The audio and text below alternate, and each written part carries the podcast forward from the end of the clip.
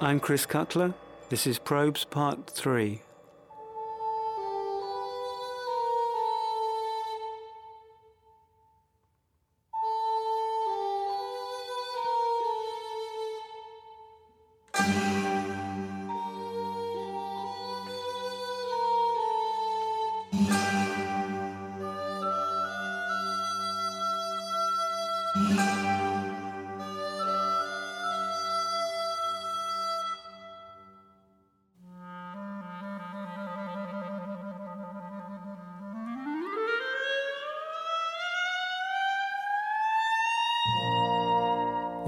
Ratios, all fixed pitch systems are rooted in the exclusion of every pitch that is not in their accepted scale. Portamento, which means sliding between notes, accepts every pitch indiscriminately, but none of them for very long.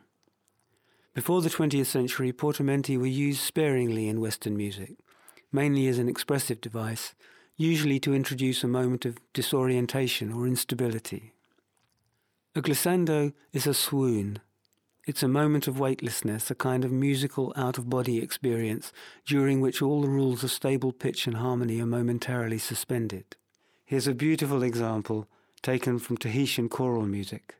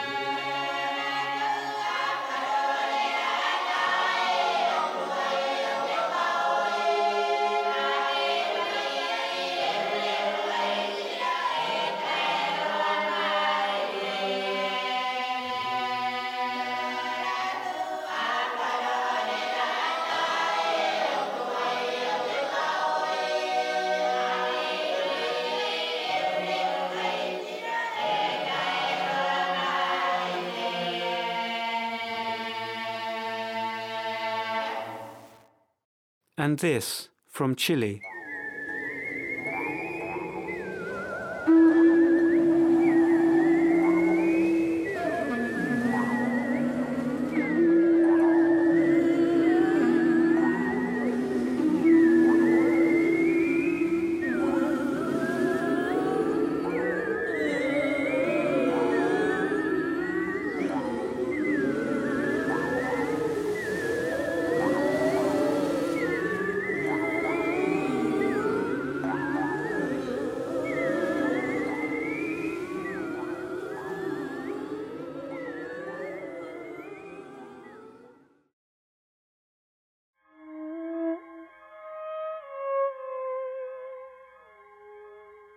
Odysseus was bound to his mast in order that he could taste oblivion and still come safe to harbour.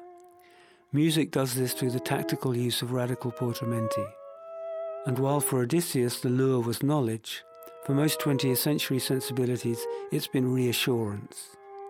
The more that chaos and uncertainty become the norm in a world under constant attack from itself, which is to say, from the default conditions of late modernity, the more portamenti like pitch ambiguity, came to embody an experiential response to a general sense of helplessness.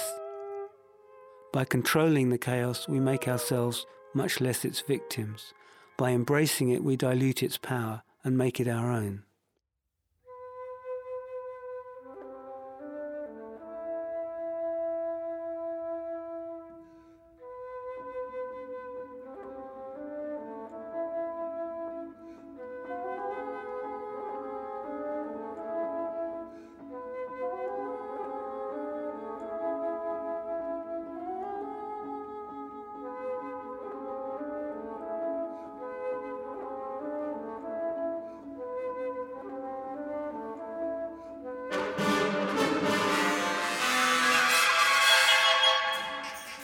It's 1919.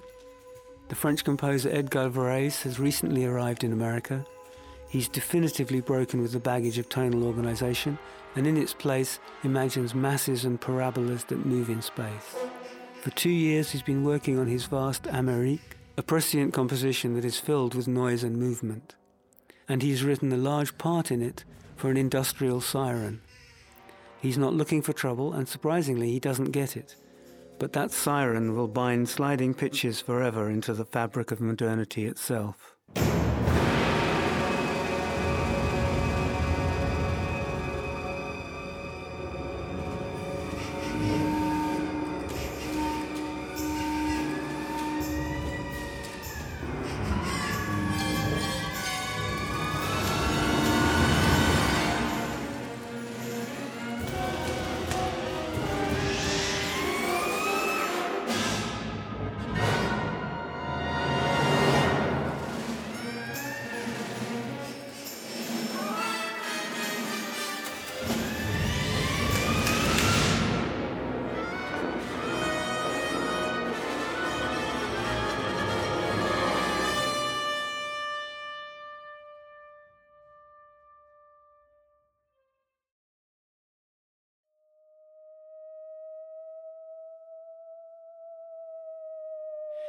The link was sealed in 1927 with the arrival in America of the theremin. This was an embodiment of science so futuristic it was more like magic. You didn't have to touch it, you just moved your hands around it. It was as if electricity had suddenly been given a voice. It sang with an ethereal, swooping wail like a choir of angels or a howling banshee. It sounded like the future. Even the cautious world of art music accepted the theremin, and it became the first electronic performing instrument to win both popular and art world acceptance. Edgar Varèse used two theremin cellos in his Ecuatorial, and the conductor Leopold Stokowski commissioned several of them for the Philadelphia Orchestra. In 1929, Joseph Schillinger's Airphonic Suite for theremin and orchestra was premiered in Cleveland, and three years after that, Lev Termen himself led the world's first electronic orchestra in Carnegie Hall. But the inflexibility of the instrument and the mainly conventional uses to which it was put stalled its progress at the level of promise. When Termen was abducted back to Russia by the Soviet Secret Service in 1938, its career went into decline and it soon all but disappeared. Its compositional legacy still lay in the future in the more visceral and imaginative world of cinema. Film composers valued the theremin for its unsettling affect. So, to the public at large, the theremin became a sound mark for instability and the unknown. In Bernard Herrmann's score for The Day the Earth Stood Still, The Unknown Future,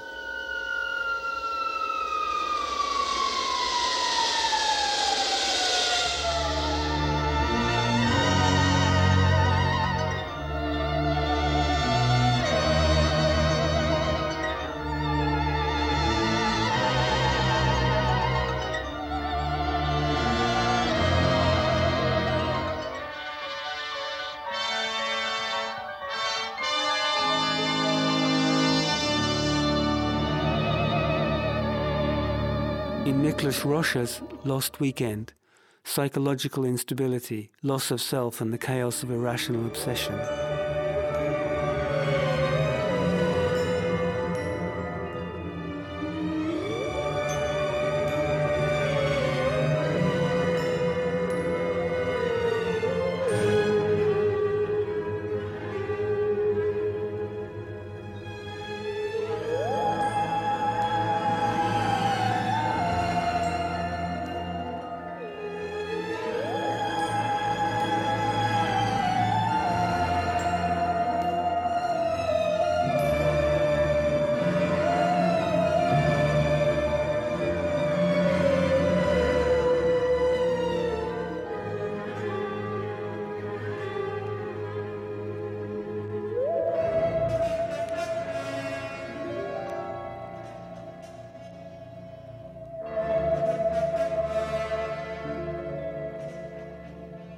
And in a thousand B movies, the sound of science fiction, horror, and suspense.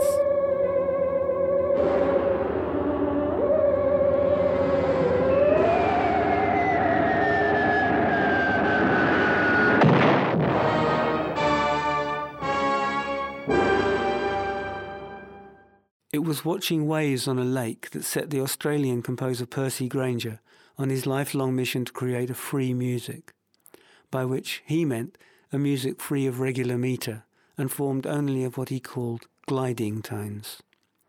He was 17 then, and it was 1899. Four years later, he was in Berlin studying with Ferruccio Busoni, a figure who will crop up several times in these programs, since the ideas in his 1907 sketch for a new aesthetic in music influenced several generations of experimental composers. One of these ideas was that the gradation of the octave was infinite. Natural sounds don't move in steps, he said. They glide and move in waves. In an early attempt to approximate his own ideas in this direction, Grainger retuned a piano in sixth tones.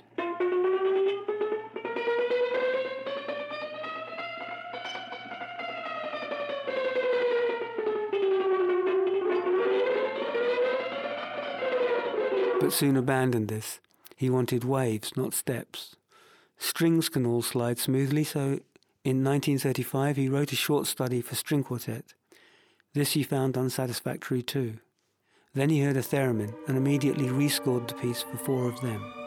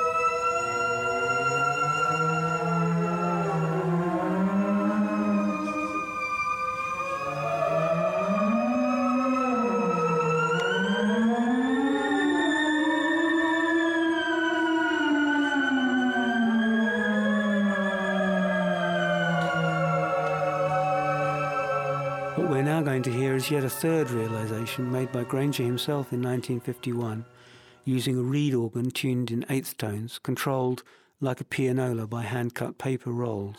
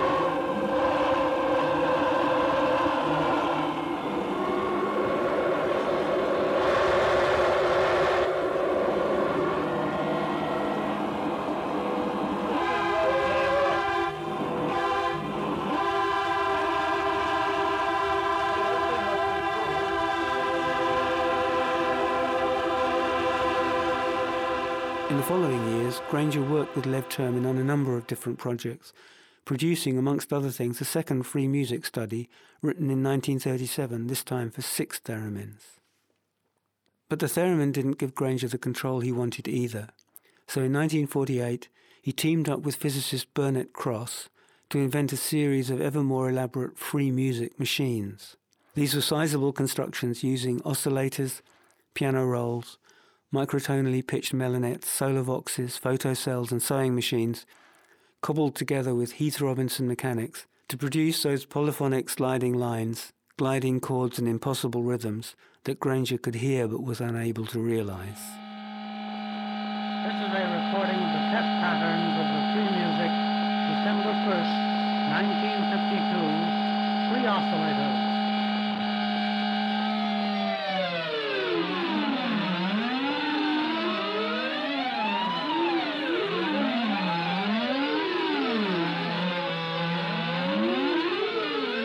The same time, in the wider world, synthesizers and electronic music technologies were evolving that could and eventually would deliver both the sounds and the control that Grainger wanted. When he died in 1961, his latest free music machine remained unfinished, and no free concert works had been written. Back in the hopeful 1920s, maverick American composer Henry Cowell, who will also be cropping up several times in the course of this series, was on his own path to new sonorities. Amongst the many probes into the uncharted possibilities of the piano that occupied him in the first quarter of the century was this one into extended portamenti. This is Cowell himself playing his 1925 composition The Banshee, standing at the end of the piano opposite the keyboard.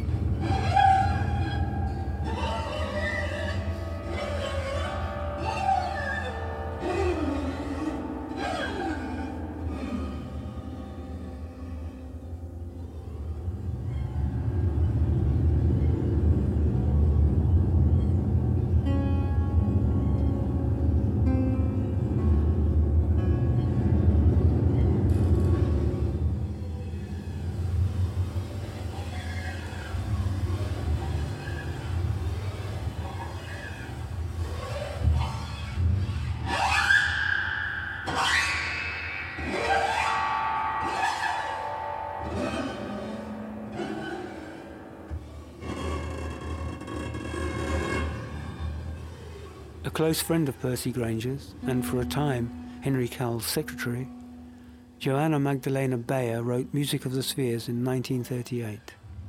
It was a piece that took few prisoners. It was scored for three unspecified electric glissando instruments, a lion's roar, and a triangle. The first electronic work to be composed by a woman, it wasn't to be performed in her own lifetime. This recording was made at its premiere in 1977. Don Buchla designed the three glissando instruments to 1930 specifications.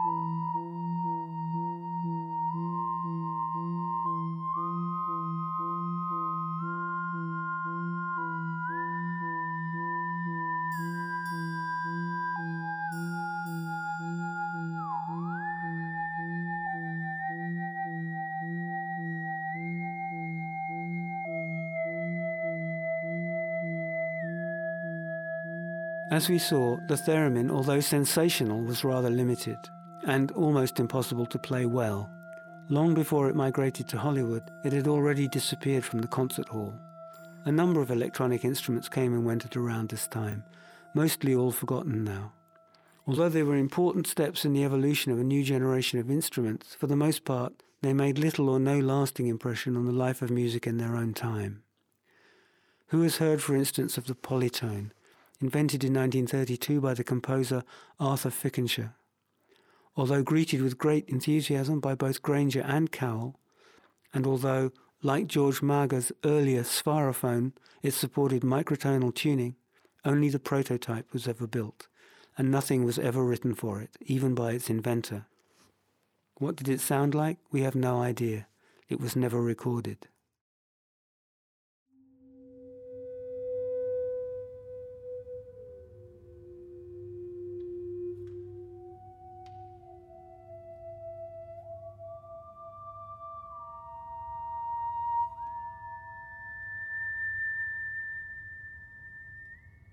One notable exception to all this electronic neglect was the Ondes Martenot. Invented in 1928 by cellist and engineer Maurice Martenot, it was based on the same heterodyning principle as the theremin, and it produced a smooth, rather exquisite gliding tone. The first model was essentially just a ribbon with a ring threaded through it, but after 1930 a conventional keyboard was added, along with a highly sophisticated range of timbre and expression controls. Unlike most of its competitors, the Ondes Martenot was flexible enough to grow into a true instrument, and its unique sonorities and exquisite portamenti attracted a body of composers large enough to create a lasting repertoire that would ensure its survival. Olivier Messiaen, in particular, wrote extensively for the Ondes Martenot, works that are still regularly performed.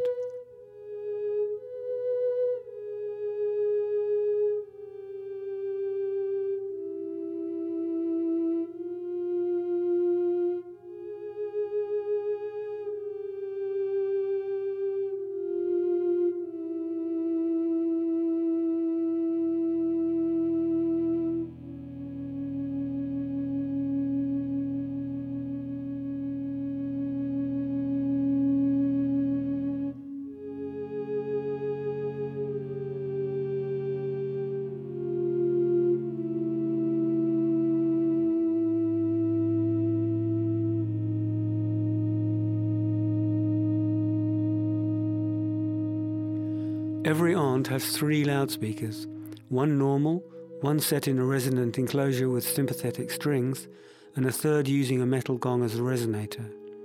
These may be used alone or in any combination, and they add a unique range of timbres to this already highly distinctive instrument.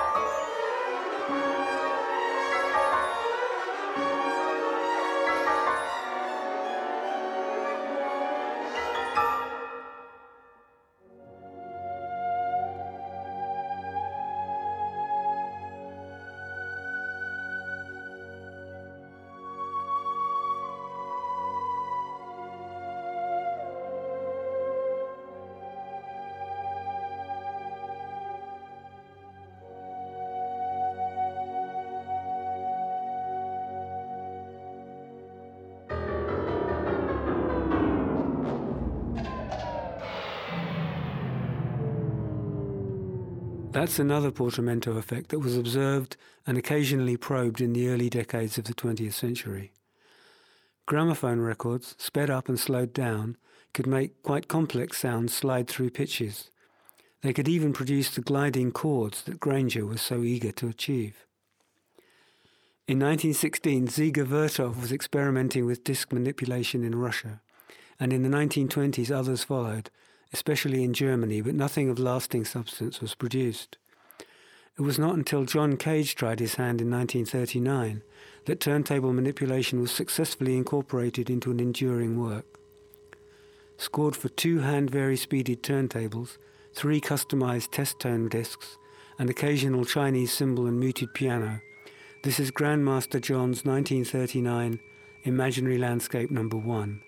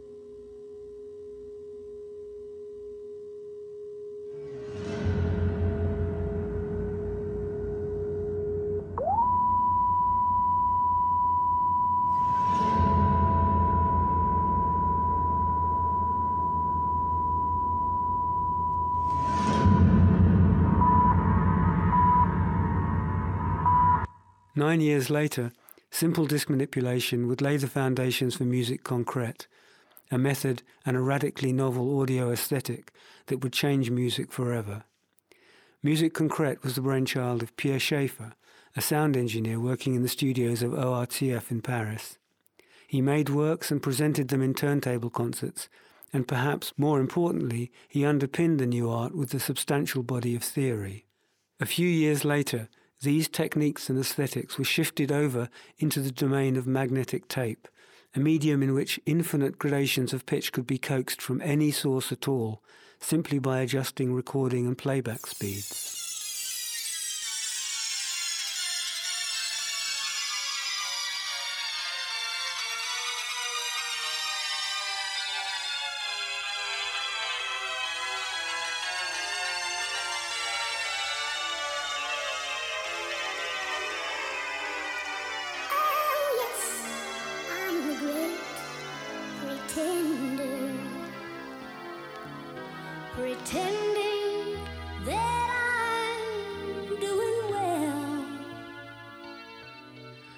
By the end of the 1950s, extensive and non-expressive use of portamenti had become common in the musical vocabularies of many contemporary composers.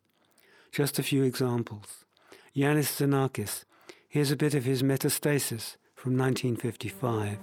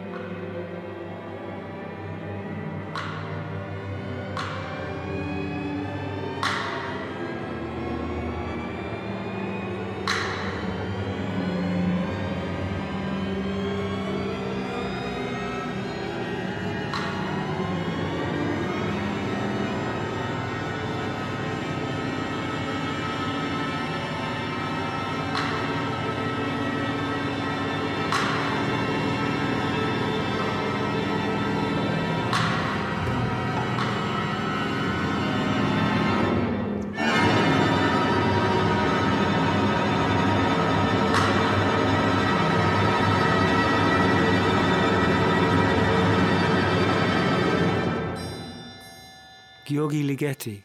Here's Glissandi, one of his only tape pieces. This was made in 1957 at the WDR studio in Cologne.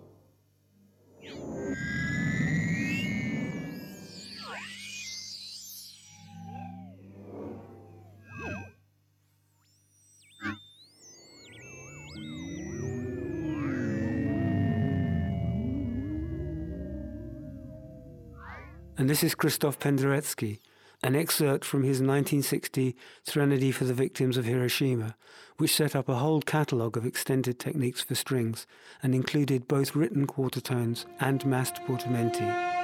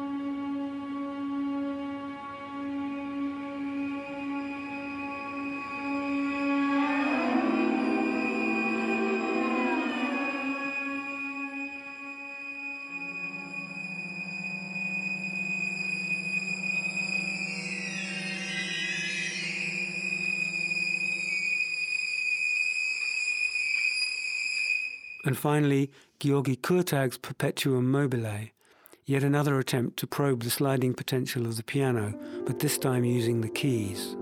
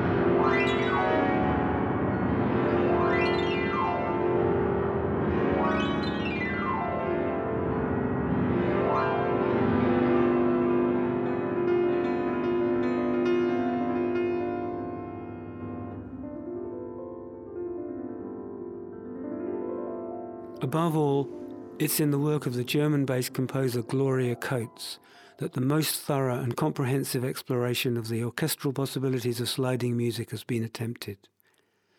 To lend compositional rigour to her pieces, which are thick with parallel layers of portamenti, all moving in different directions and at different but closely calculated speeds, Coates returned to the polyphonic forms of late medieval and Baroque music, in particular to fugues and canons although in the absence of clear tones, of course, they are virtually impossible to hear. This is an extract from her Seventh Symphony, written in 1990.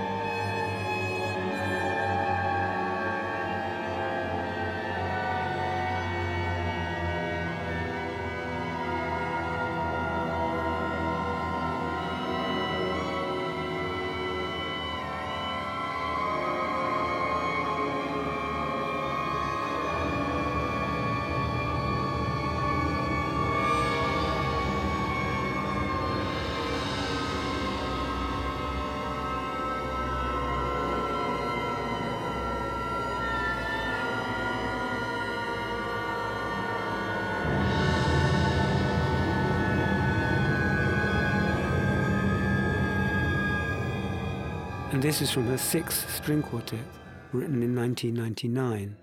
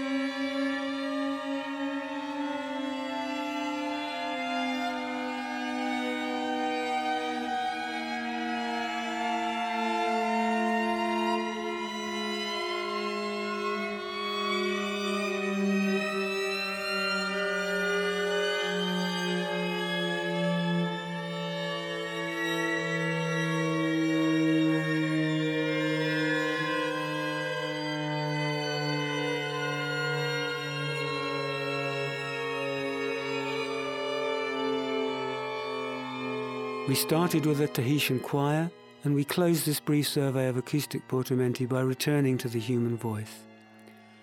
As a filmmaker in New York, David Hykes worked for a while with Tony Conrad, who was also making films then, as well as being in La Monte Young's Theatre of Eternal Music.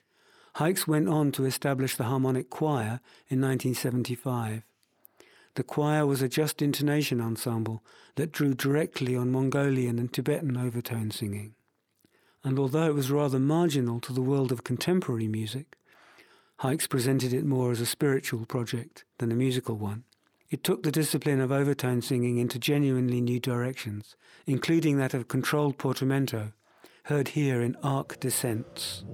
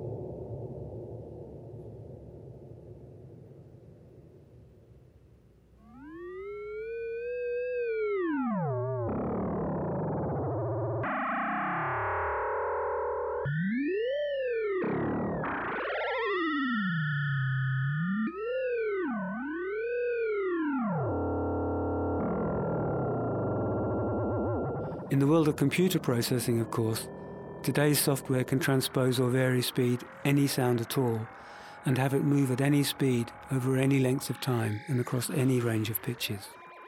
Here's the beginning of Karlheinz Stockhausen's 2002 composition, Strahlen.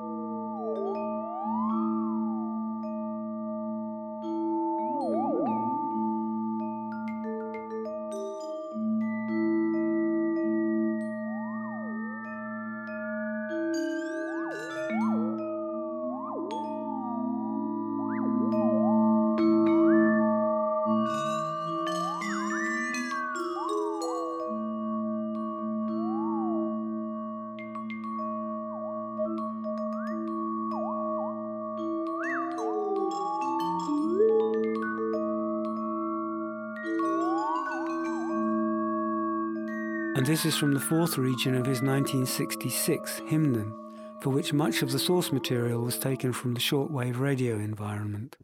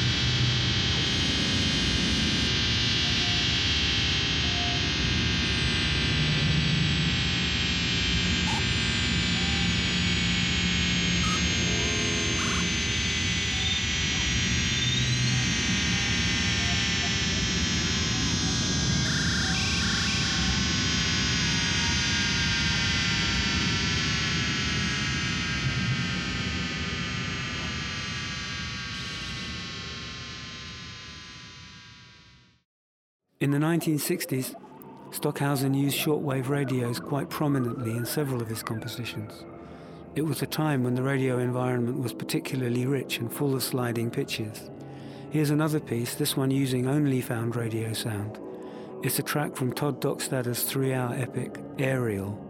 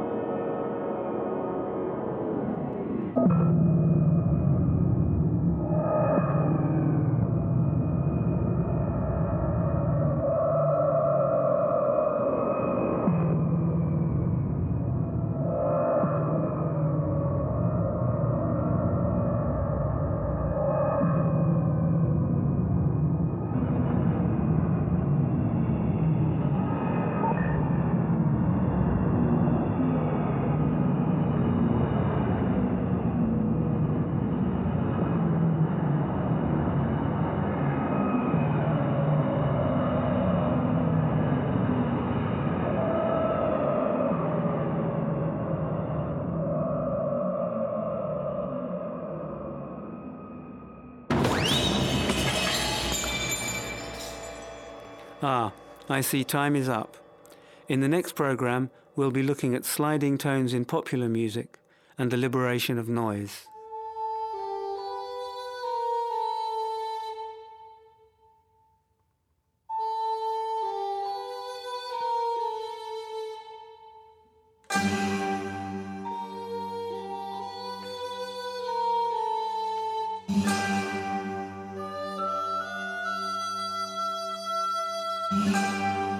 Chris Cutler. This has been Probes.